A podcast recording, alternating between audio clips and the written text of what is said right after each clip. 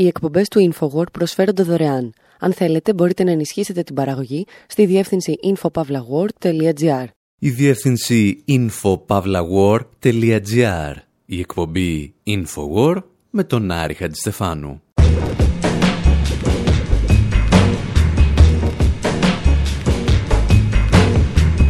Όπου σήμερα σας αποκαλύπτουμε ότι ένα από τα μεγαλύτερα ολιγοπόλια στην ιστορία του καπιταλισμού κρέμεται μπροστά στη μύτη σας. Συζητάμε για μείωπες και πρεσβείωπες και αναρωτιόμαστε πως ένα αγόρι με κοντά παντελονάκια από την Ιταλία κατάφερε να γίνει ο νονός της παγκόσμιας βιομηχανίας οπτικών. Συζητάμε για τη δημιουργία της πολυεθνικής Esselor Luxottica, η οποία αποφάσισε να βάλει τα γυαλιά σε περίπου 2,5 δισεκατομμύρια ανθρώπους στον πλανήτη. Σας συνιστούμε μάλιστα να ακούσετε αυτή την εκπομπή στο ύπεθρο, γιατί όσο κάθεστε μέσα σε σπίτια και γραφεία, τα μάτια σας επιμικίνονται και η μοιοπία σας μεγαλώνει. Και αυτό έπαθε το 95% των παιδιών στην Νότια Κορέα. Σκεφτόμαστε τελικά τι θα σήμαινε να ελέγχει μία εταιρεία όλα τα γυαλιά οράσεως και ηλίου στον κόσμο. Και ακούμε γι' αυτό όλα τα τραγούδια που βρήκαμε για μοιοπία, αστιγματισμό, πρεσβειοπία, αλλά και για τα ray του Tom Cruise.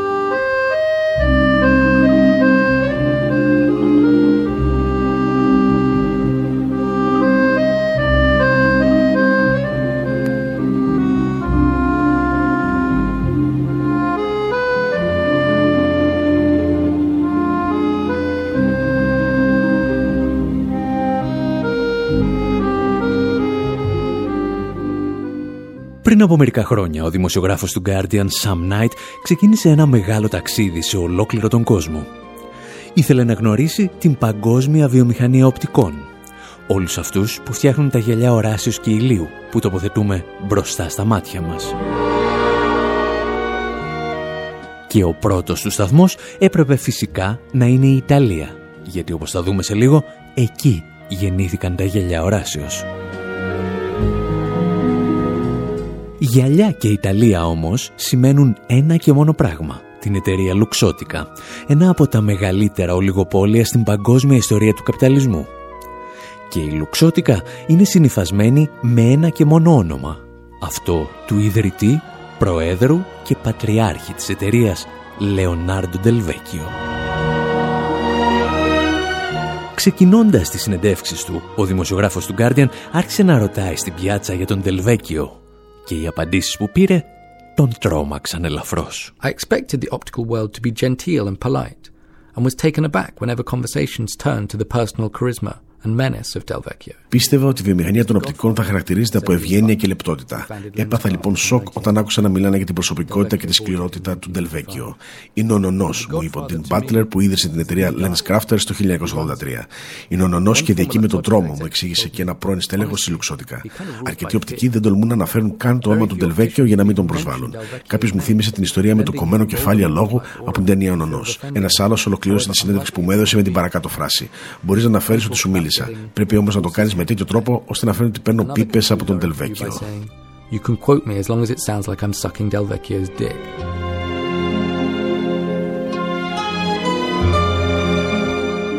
Εάν αναρωτιέστε πώς γίνεται ένας άνθρωπος που πουλάει σκελετούς για γυαλιά να προκαλεί τέτοιο σοκ και δέος στην παγκόσμια βιομηχανία οπτικών, θα πρέπει να μας ακολουθήσετε σε ένα σύντομο ταξίδι στην ιστορία των γυαλιών οράσεως. Σε ένα ταξίδι με πρώτο ξεναγό το συγκρότημα Blue Murder να μας λέει δύο λόγια για τον Πτολεμαίο.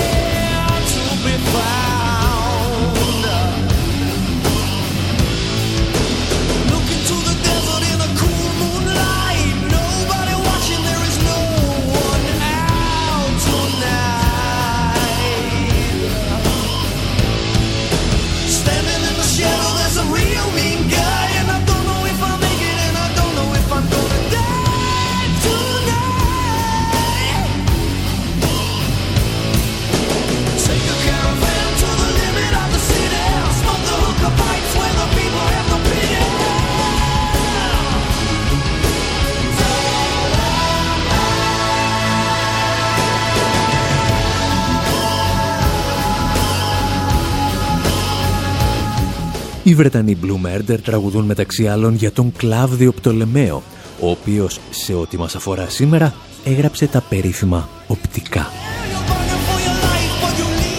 Και παρά το γεγονός ότι σε εμά έφτασε μόνο μία άθλια μετάφραση του έργου από τα αραβικά, γνωρίζουμε ότι στα οπτικά ο Πτολεμαίος ανέλησε τις ιδιότητες του φωτός και περιέγραψε τις πρώτες ανθρώπινες κατασκευές που βοηθούσαν στην όραση.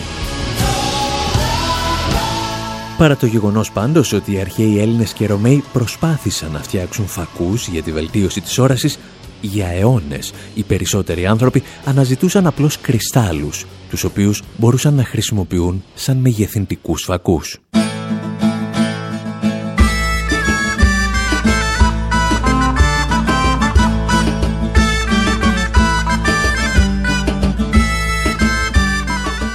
Η ανθρωπότητα έπρεπε να περιμένει μέχρι τον 13ο αιώνα, ώστε οι Ιταλοί να κατασκευάσουν τα πρώτα γυαλιά οράσεως σχεδόν όπως τα γνωρίζουμε σήμερα. Και αν προσέξετε ορισμένους πίνακες της εποχής, ίσως και να εντοπίσετε τους πρώτους διοπτροφόρους. Από τότε μέχρι περίπου το 1960 ή το 1970 αυτά τα γυαλιά χρησιμοποιούνταν μόνο για το λόγο για τον οποίο κατασκευάστηκαν για να βλέπουμε. Για την ακρίβεια, το να φοράς γυαλιά ήταν στα προηγούμενα χρόνια ένα μεγάλο μειονέκτημα και κάτι για το οποίο λίγο έως πολύ έπρεπε να ντρέπεσαι. Μέχρι τη στιγμή που ένας άνθρωπος αποφάσισε ότι τα γυαλιά δεν είναι μόνο για να βλέπουμε, αλλά και για να μας βλέπουν. Ήταν φυσικά ο ιδρυτής και πρόεδρος της Λουξότικα, ο Λεωνάρντο Ντελβέκιο, Ξέρετε, αυτός που δεν πρέπει να χρησιμοποιούμε το όνομά του επί ματαίω. Και αν δεν έχετε ακούσει τίποτα για την εταιρεία Luxottica, μπορούμε να ξεκινήσουμε με ένα αφιέρωμα που είχε κάνει σε αυτήν ο Τζον Όλιβερ από τη σειρά Last Week Tonight. Now, we all know about Amazon, Walmart, or Google, but there are less obvious examples of this too. Take eyewear. Now, if you go into a LensCrafters... Όλοι γνωρίζουμε την Amazon, τα Walmart ή την Google. Υπάρχουν όμως παραδείγματα ολιγοπολίων τα οποία δεν είναι τόσο προφανή. Πάρτε για παράδειγμα την αγορά οπτικών. Αν πάτε σε ένα κατάστημα οπτικών θα δείτε γυαλιά από μάρκες όπως η Prada, Dolce Gabbana, Burberry και Ralph Lauren. Όλες αυτές ανήκουν σε μια τελική εταιρεία που ονομάζεται Luxottica. Η ίδια εταιρεία ελέγχει την πολυεθνική αλυσίδα καταστημάτων οπτικών Lens Crafters και δεκάδες άλλε εταιρείες. Τι συμβαίνει λοιπόν όταν μια μικρότερη εταιρεία αποφασίζει να τους αντισταθεί, ρωτήστε την Oakley.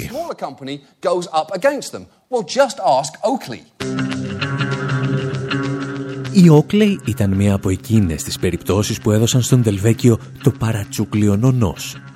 Ίσως για τον σχεδόν κινηματογραφικό και ο λίγον μαφιόζικο τρόπο με τον οποίο την απείλησε, την ταπείνωσε και τελικά την εξαγόρασε τα εξηγούσαν στην εκπομπή 60 Minutes του CBS. Oakley was a big competitor and they had a fight with Luxottica and Luxottica basically said we're dropping you from our stores. Η Oakley ήταν μεγάλος ανταγωνιστής και ήρθε σε σύγκρουση με τη Luxottica.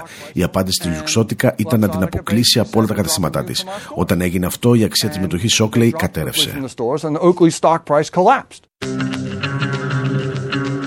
Και η περίπτωση της Oakley ήταν μόνο η κορυφή στο παγόβουνο μιας σειράς επιθετικών εξαγορών που θα μετατρέψουν την Λουξότικα σε κυρίαρχο της παγκόσμιας αγοράς οπτικών.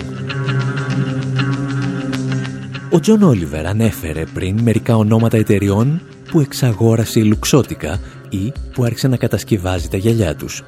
Η δική μας λίστα όμως είναι μεγαλύτερη Περιλαμβάνει εκτός από την Oakley και τις εταιρείες Chanel, Dolce Gabbana, Salvatore Ferragamo, Prada, Burberry, Polo, Ralph Lauren, Paul Smith, Stella McCartney, Tiffany, Vogue, Persol, Miu Miu, Tory Burch, Ντόνα Καράν, Ρεβο, Αρνέτ, ΕΣΣ, Κέιντελ, Μόσley Τribes, Σφεροφλέξ, Αν Κline, Brooks Brothers, Τσάμψ, Κλαμπ Μονακό, DJ, DKY, Βερσάτσε, Βέρσου και πολλές άλλες. Και στη λίστα δεν έχουμε συμπεριλάβει και καμιά δεκαριά μεγάλες αλυσίδες πώλησης οπτικών, τις οποίες επίσης εξαγόρασε λουξότικα. Πιο απλά, αν φοράτε γυαλιά και τα βγάλετε αυτή τη στιγμή, κοιτάζοντας τη μάρκα, οι πιθανότητες να μην συμμετείχε στην κατασκευή τους η λουξότικα είναι ελάχιστες. Για να καταλάβουμε όμως τι ακολουθούσε κάθε εξαγορά για εμάς τους καταναλωτές, θα πρέπει να πούμε δύο κουβέντες για τα Ray-Ban. Για την ακρίβεια, θα αφήσουμε να τα πει πρώτα ο A-Track στο τραγούδι του Ray-Ban Vision.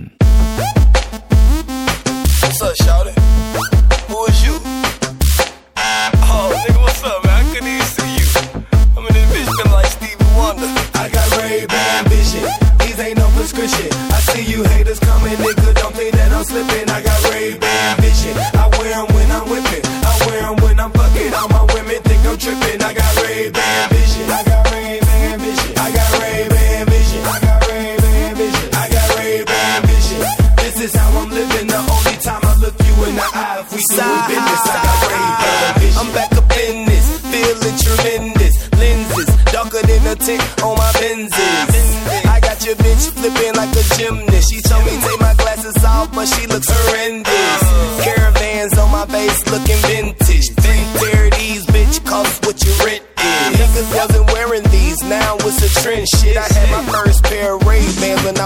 was 10 trips. Princes looking like a pilot out the Air Force. Came to the club fresh up out the airport. I'm like Tom Cruise off a Top Gun. Why? Cause they know that's where I'm at. Plus I got one. Uh, I keep my shades on in the hot sun. Old school Datsun. Stuff so hard it's not funny. I'm with a Playboy bunny. And she's still a dime, even when the hair is not done. I'm slipping. I got Ray-Ban vision. I wear them when I'm whipping. I wear them when I'm fucking. All my women think I'm tripping. I got Ray-Ban vision. I got Ray-Ban vision. I got Ray-Ban vision. I got Ray-Ban vision. I got Ray-Ban vision. This is how I'm living. The only time I look you in the eye. Business. I got Ray-Ban vision. I seen it all through the mirror tints. I tell girl that's innocent to disappear with Prince. I got my hand in between her incident. Oh, now we intimate. This is how we ended it. Left the restaurant, now I'm in mouth like a dynamite. We started in the parking lot and finished at my tenement. Shout it had a reason. My pimpin' was legitimate. I tore that pussy up like a ligament.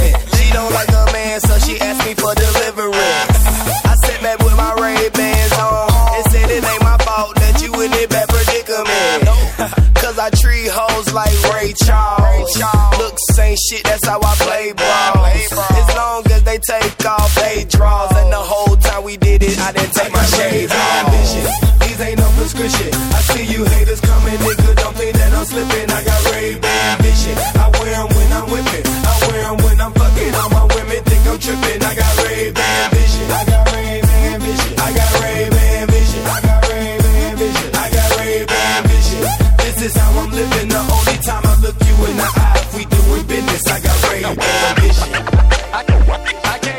Ο A-Track, ανάμεσα σε διάφορα άσχετα στοιχεία, μας εξηγεί στο τραγούδι του την ιστορία των Ray-Ban.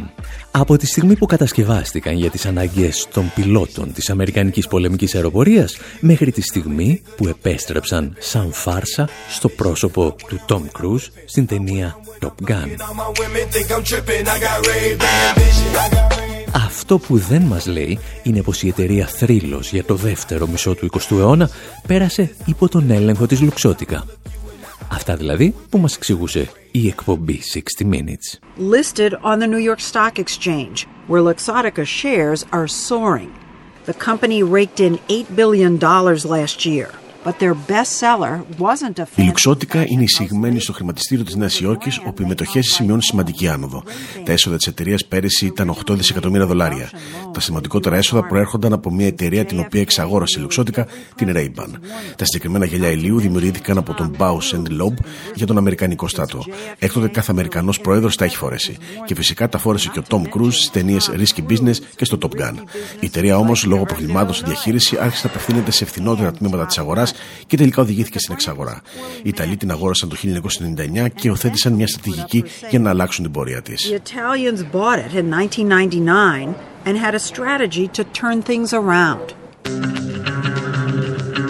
Το να αλλάξουν την πορεία της εταιρείας σήμαινε ένα και μόνο πράγμα.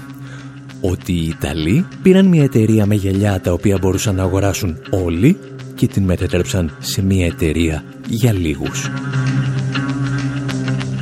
Και εδώ βρίσκεται η ουσία του προβλήματος με τον ολιγοπολιακό έλεγχο της αγοράς οπτικών. Δεν υπάρχουν φτηνά γυαλιά. Αυτά δηλαδή για τα οποία τραγουδούσαν οι ZZ Top. Τους ακούμε στο Chips and Glasses και επιστρέφουμε.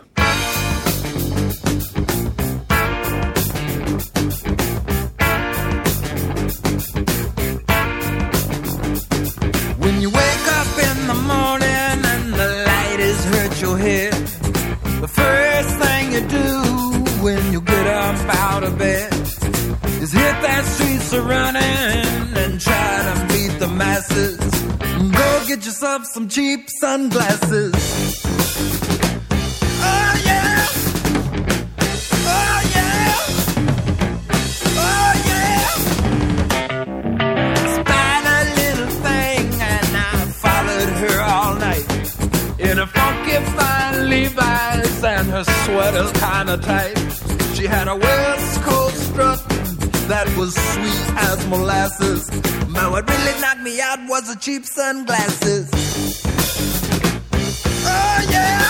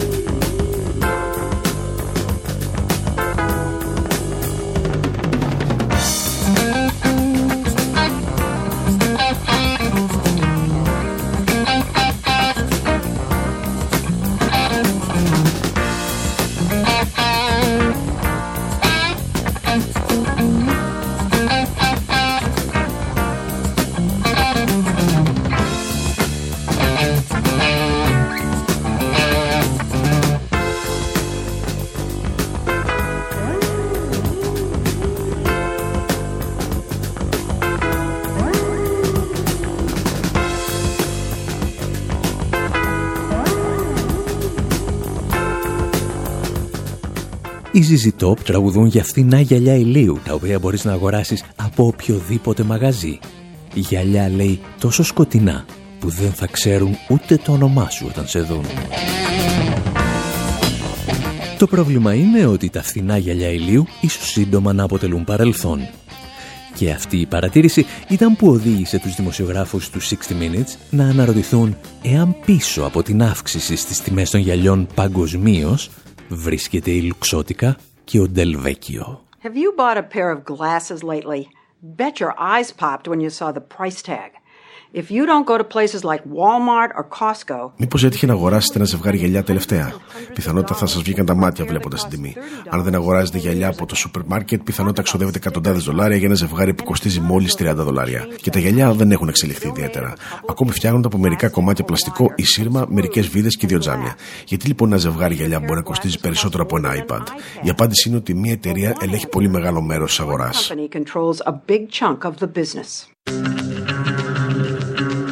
Η ουσία του ζητήματος βρίσκεται σε αυτή τη μικρή πληροφορία που ακούσαμε στο ρεπορτάζ των 60 Minutes ότι ακόμη και τα πιο ακριβά γυαλιά που μπορείτε να αγοράσετε πληρώνοντας εκατοντάδες ευρώ συνήθως δεν κοστίζουν περισσότερο από 30 δολάρια. Το κέρδος μιας εταιρείας σαν τη Λουξότικα μπορεί να ξεπεράσει ακόμη και το 800%. Και αυτό γιατί η εταιρεία κατάφερε να μας πείσει ότι τα γυαλιά δεν είναι μόνο για να βλέπουμε, αλλά πολύ περισσότερο για να μας βλέπουν.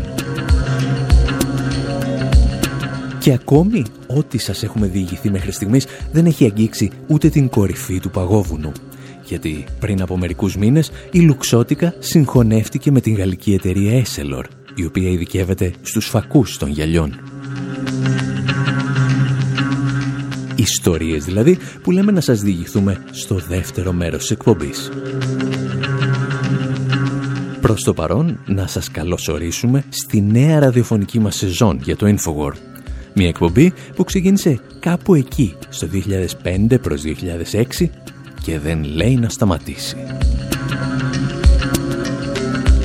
Τις περισσότερες από τις εκπομπές μας τις βρίσκεται πάντα στη διεύθυνση info.pavlawar.gr και από τα περισσότερα σημεία από όπου μπορείτε να κατεβάζετε podcast.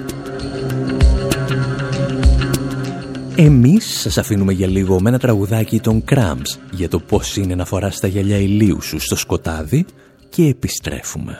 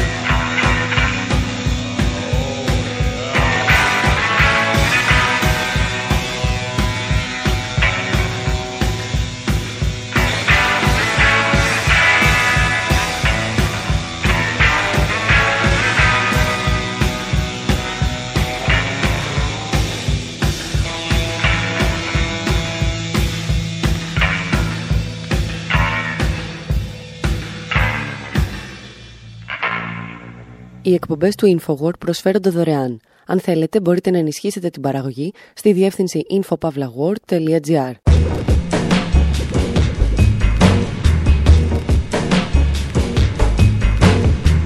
Εκπομπή InfoWord, μέρος δεύτερο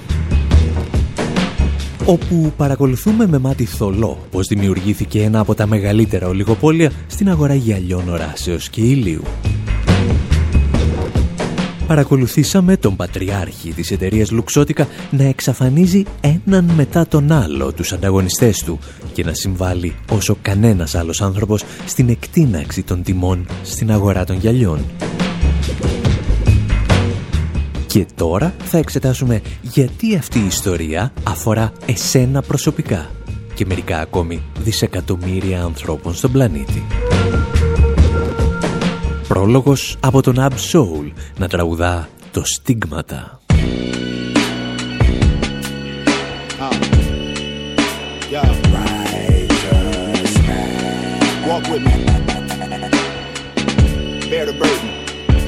Yo, yo, yo, yo.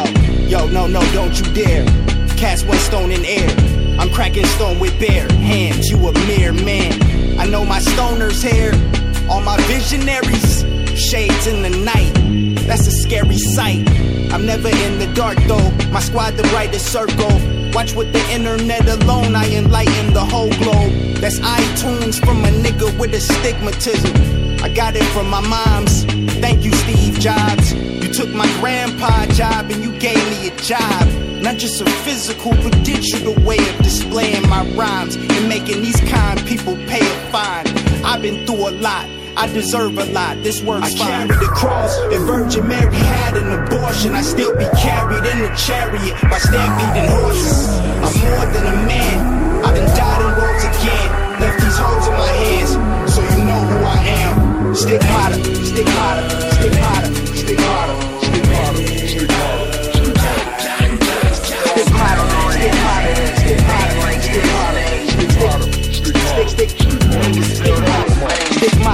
Stick hotter, stick hotter, stick hotter, stick hotter, stick hotter, stick hotter.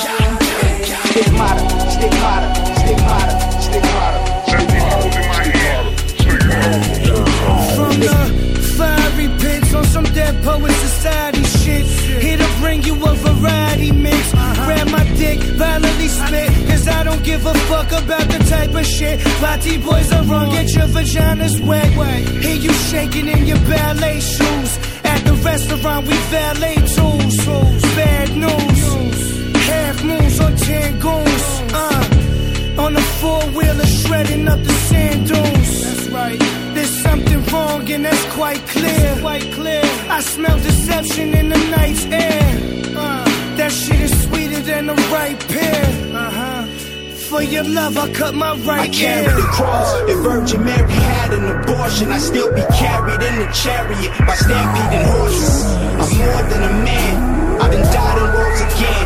Left these holes in my hands. So you know Ο Ab Soul σκαρφίζεται ρήμες με τη λέξη στίγματα και τον αστιγματισμό, τον οποίο αποδίδει στην μητέρα του και στο δημιουργό της Apple, Steve Jobs. Για το τελευταίο δεν είμαστε και πολύ σίγουροι τι εννοεί, αλλά ίσως να σχετίζεται με τις ατελείωτες ώρες που πέρασε μπροστά σε κάποιο iPhone ή κάποια ταμπλέτα. Αυτή παρεπιπτόντος είναι και δύο από τους πολλούς λόγους για τους οποίους η ανθρωπότητα βρίσκεται πλέον αντιμέτωπη με αυτό που οι επιστήμονες αποκαλούν επιδημίες οφθαλμολογικών παθήσεων. Και η πρώτη και σημαντικότερη, όπως ακούμε σε αμερικανικά δελτία ειδήσεων, είναι η επιδημία μοιοπίας. Up to 1 billion people could be at risk for blindness by 2050 if the emerging myopia epidemic is ignored. Σχεδόν ένα δισεκατομμύριο άνθρωποι ενδέχεται να κινδυνεύουν με τύφλωση μέχρι το 2050 εάν δεν ληφθούν μέτρα για την επιδημία μοιοπίας που βρίσκεται σε εξέλιξη. Σήμερα περίπου 2 δισεκατομμύρια άνθρωποι σε όλο τον κόσμο έχουν μοιοπία. Ερευνητές υποστηρίζουν ότι σχεδόν ο μισός πληθυσμό του πλανήτη, δηλαδή περίπου 5 δισεκατομμύρια άνθρωποι, θα έχουν μοιοπία μέχρι το 2050. Σχεδόν ένα δισεκατομμύριο από αυτούς θα αντιμετωπίζουν το πρόβλημα με ιδιαίτερη ένταση και ίσως κινδυνεύουν με τύφλωση. Σύμφωνα με τους ερευνητές, οι γονείς πρέπει να ενθαρρύνουν τα παιδιά τους να περνούν τουλάχιστον δύο ώρες την ημέρα στο ύπεθρο.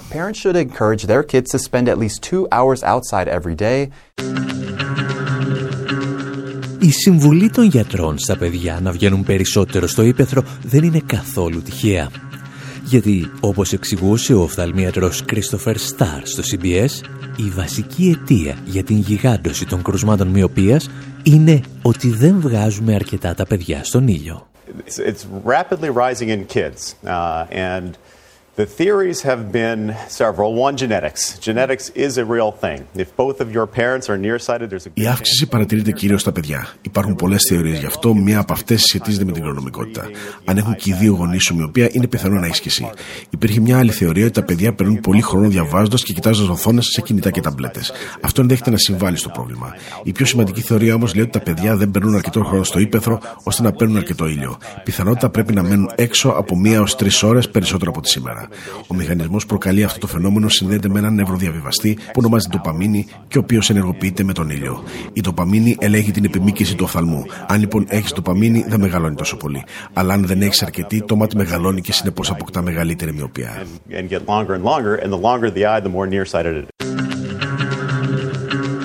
Η λεγόμενη επιδημία της μοιοπίας λαμβάνει τρομακτικά χαρακτηριστικά, ιδιαίτερα σε χώρες της Ασίας. Στην Κίνα το 90% των εφήβων και των νέων αντιμετωπίζουν προβλήματα μοιοπίας. Πριν από 60 χρόνια το ίδιο ποσοστό ήταν 10 με 20%. Στην Νότια Κορέα το ποσοστό σήμερα ξεπερνά το 96%. Η αύξηση της μοιοπίας είναι ιδιαίτερα σημαντική και στην Δύση, αν και δεν φτάνει τα ποσοστά της Ασίας. Σε εμάς όμως υπάρχει ένα διαφορετικό πρόβλημα. Λόγω της γύρανσης του πληθυσμού, οι διοπτροφόροι αυξάνονται συνεχώς σαν ποσοστό του πληθυσμού και εμείς δηλαδή χρειαζόμαστε κάθε χρόνο περισσότερα γυαλιά οράσεως. Και τι σας αφορούν όλα αυτά, ειδικά αν δεν έχετε μοιοπία; Αφορούν ιδιαίτερα τα ασφαλιστικά σας ταμεία, τα οποία θα πρέπει να σας αγοράσουν τα γυαλιά ή να σας βοηθήσουν να τα αγοράσετε. Και για όσο η βιομηχανία των οπτικών θα ελέγχεται από ελάχιστες εταιρείες, αυτό θα γίνεται όλο και πιο κοστοβόρο και θα επιβαρύνει το σύνολο του συστήματος. Λιγότερες από πέντε εταιρείες δηλαδή θα μπορούν να αποφασίσουν αν οι φτωχότερες χώρες του πλανήτη θα είναι σε θέση να προσφέρουν φτηνά γυαλιά με 5 ή 10 δολάρια ή εάν οι φορολογούμενοι θα πρέπει να ξοδέψουν μερικές δεκάδες ή εκατοντάδες δολάρια. Στη δεύτερη περίπτωση κάποιοι απλώς δεν θα μπορούν να αγοράσουν τα γυαλιά. Και συνεπώς δεν θα βλέπουν καλά ή καθόλου. Και συνεπώς θα μειωθεί και η παραγωγικότητά τους. Και συνεπώς θα αποκτήσουμε έναν ακόμη παράγοντα που θα δημιουργεί πολίτες δύο ταχυτήτων. Αυτούς που θα βλέπουν και αυτούς που θα βλέπουν το μέλλον τους. Θα μπω.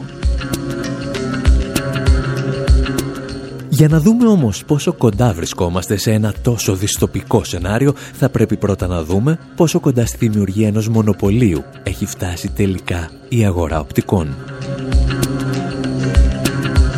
Θα τα συζητήσουμε ύστερα από αυτό. Τους Σουηδούς ανεκδότεν να μας εξηγούν πώς είναι να βλέπεις με τα θολά μοιοπικά σου μάτια.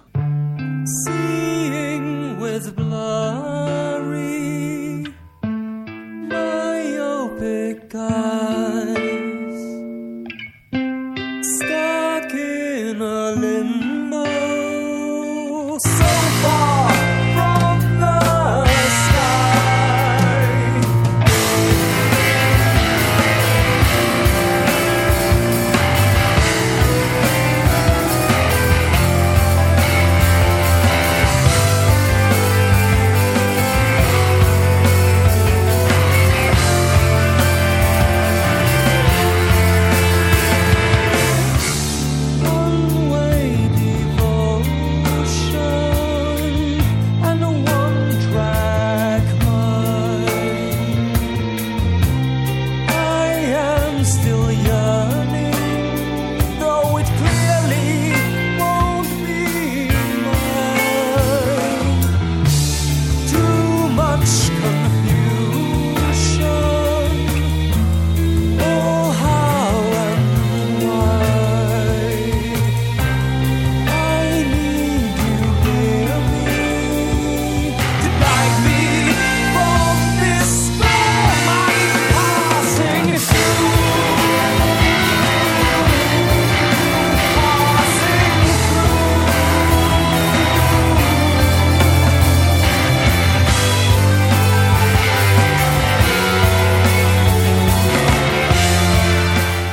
Εκπομπή Infowar με τον Άρη Χατστεφάνου συζητάμε για τη δημιουργία ολιγοπολίων και μονοπωλίων στην αγορά φακών οράσεως και ηλίου.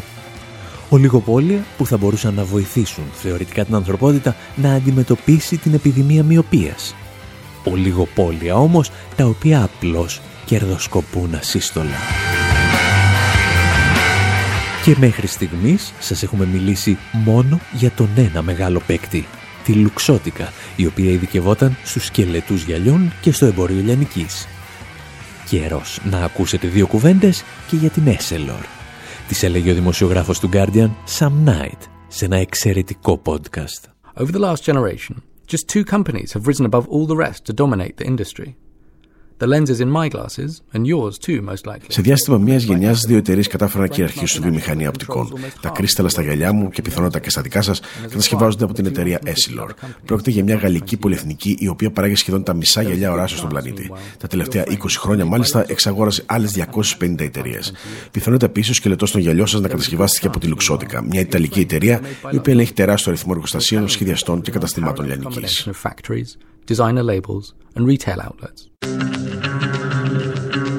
Η Esselor λοιπόν έχει ήδη εξαγοράσει 250 εταιρείες και η Λουξότικα μερικές δεκάδες ή εκατοντάδες ακόμη.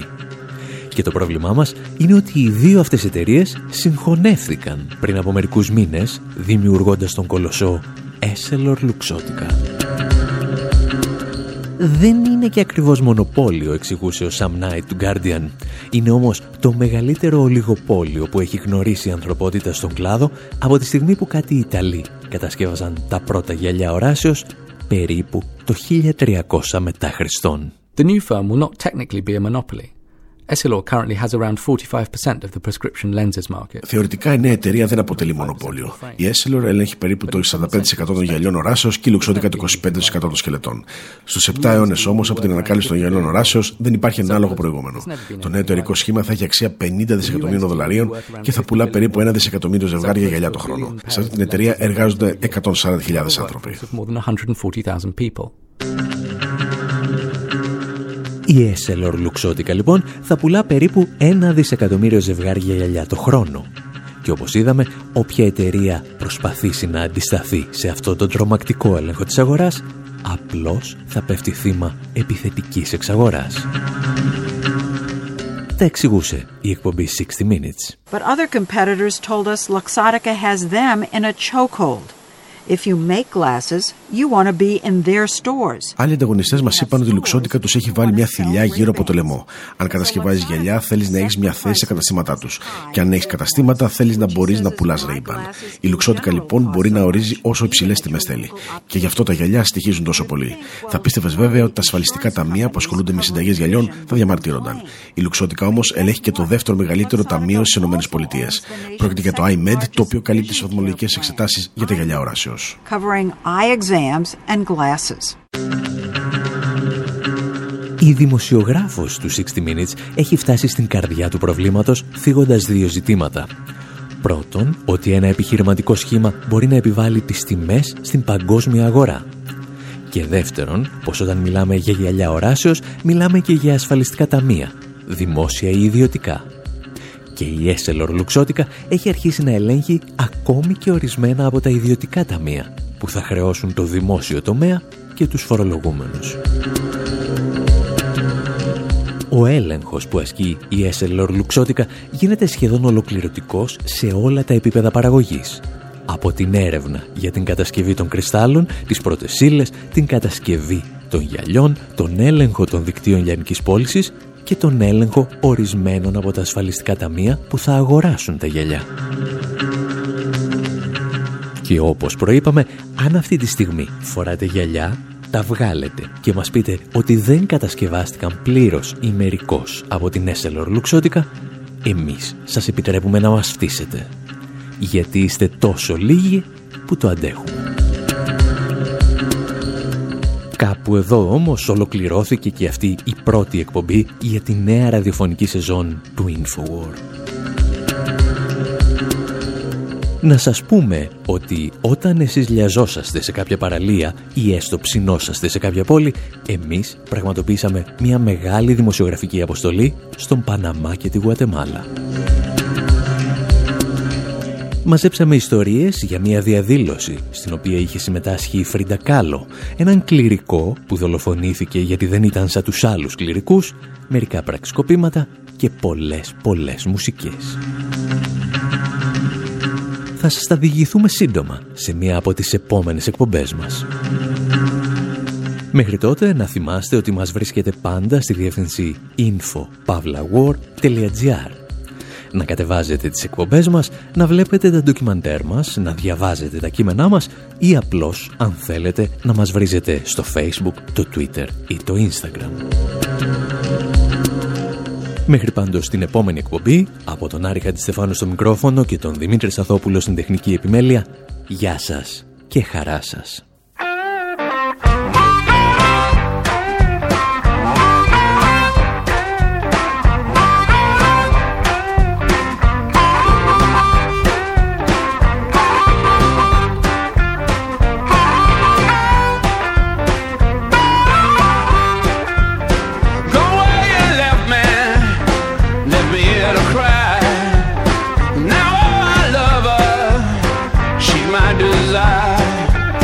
She's my desire. She's my desire. Came over this morning that